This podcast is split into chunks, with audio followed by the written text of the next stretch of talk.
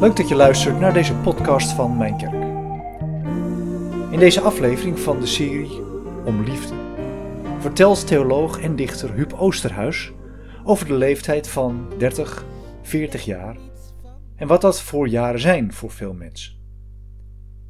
Het was een tijd waarin hij zelf veel van zijn vernieuwde visie op geloof vorm gaf in nieuwe vormen en een eigen gemeenschap.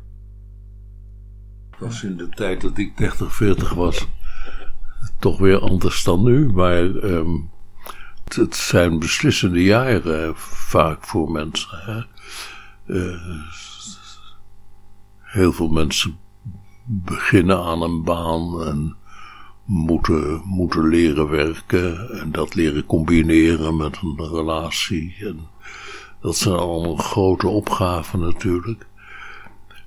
En dat is het eigene, inderdaad, van de leeftijd 30, 45 zo ongeveer. Dan speelt zich dat af en dan moet dat geconsolideerd worden en tot rust komen. En ja, dat lukt bij heel veel mensen niet. En zeker in verbinding met het uh, overgeleverde geloof is dat uh, problematisch. Dat was het ook toen ik uh, dertig was. Huub Oosterhuis vond door zijn vernieuwde kijk op de Bijbel en het geloof een duidelijk visioen van een nieuwe, rechtvaardige wereld. Veel daarvan is terug te vinden in zijn gedichten en in zijn muziek. Wij noemden dat het visioen van een nieuwe wereld. Hè? En dat, uh, dat visionaire, dat is natuurlijk um, dat, dat, is een, een grote emotie.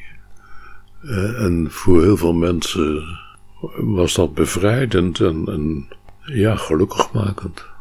En heel veel van wat we toen binnen handbereik dachten, dat bleek later niet binnen handbereik en dat is weer weggevallen. En toch is het goed om de hoop gaande te houden. Om niet te vervallen in, in een soort cynisch wereldbeeld. Het is allemaal nog in volle gang. Anders dan 40 jaar geleden, maar het is nog wel in volle gang. En het is natuurlijk heel, heel verrassend om hier en daar iets heel nieuws te, weer te zien. Een nieuwe opbloei van solidariteit. Dat is ook te zien. Beetje moeizaam. Het is er wel. Daarna vertelt hij wat dat visioen van een nieuwe wereld met liefde te maken heeft. Liefde is natuurlijk een, een omvattend woord. Je zou kunnen zeggen, de Bijbel, de Torah, de levensleer van het Jodendom is liefde.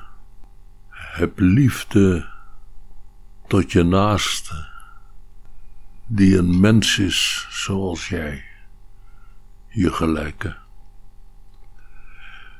En dan wordt er niet bedoeld omhels die naaste, maar wees solidair.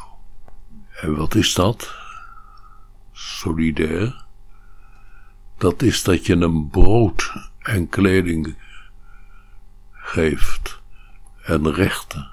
Zo komt het uit de mond van de Bijbelse God. Dat is liefde.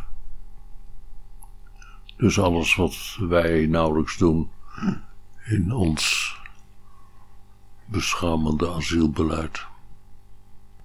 Maar het is wel de kern. Is, het is waarschijnlijk het concreetste wat we zouden kunnen doen. Hè?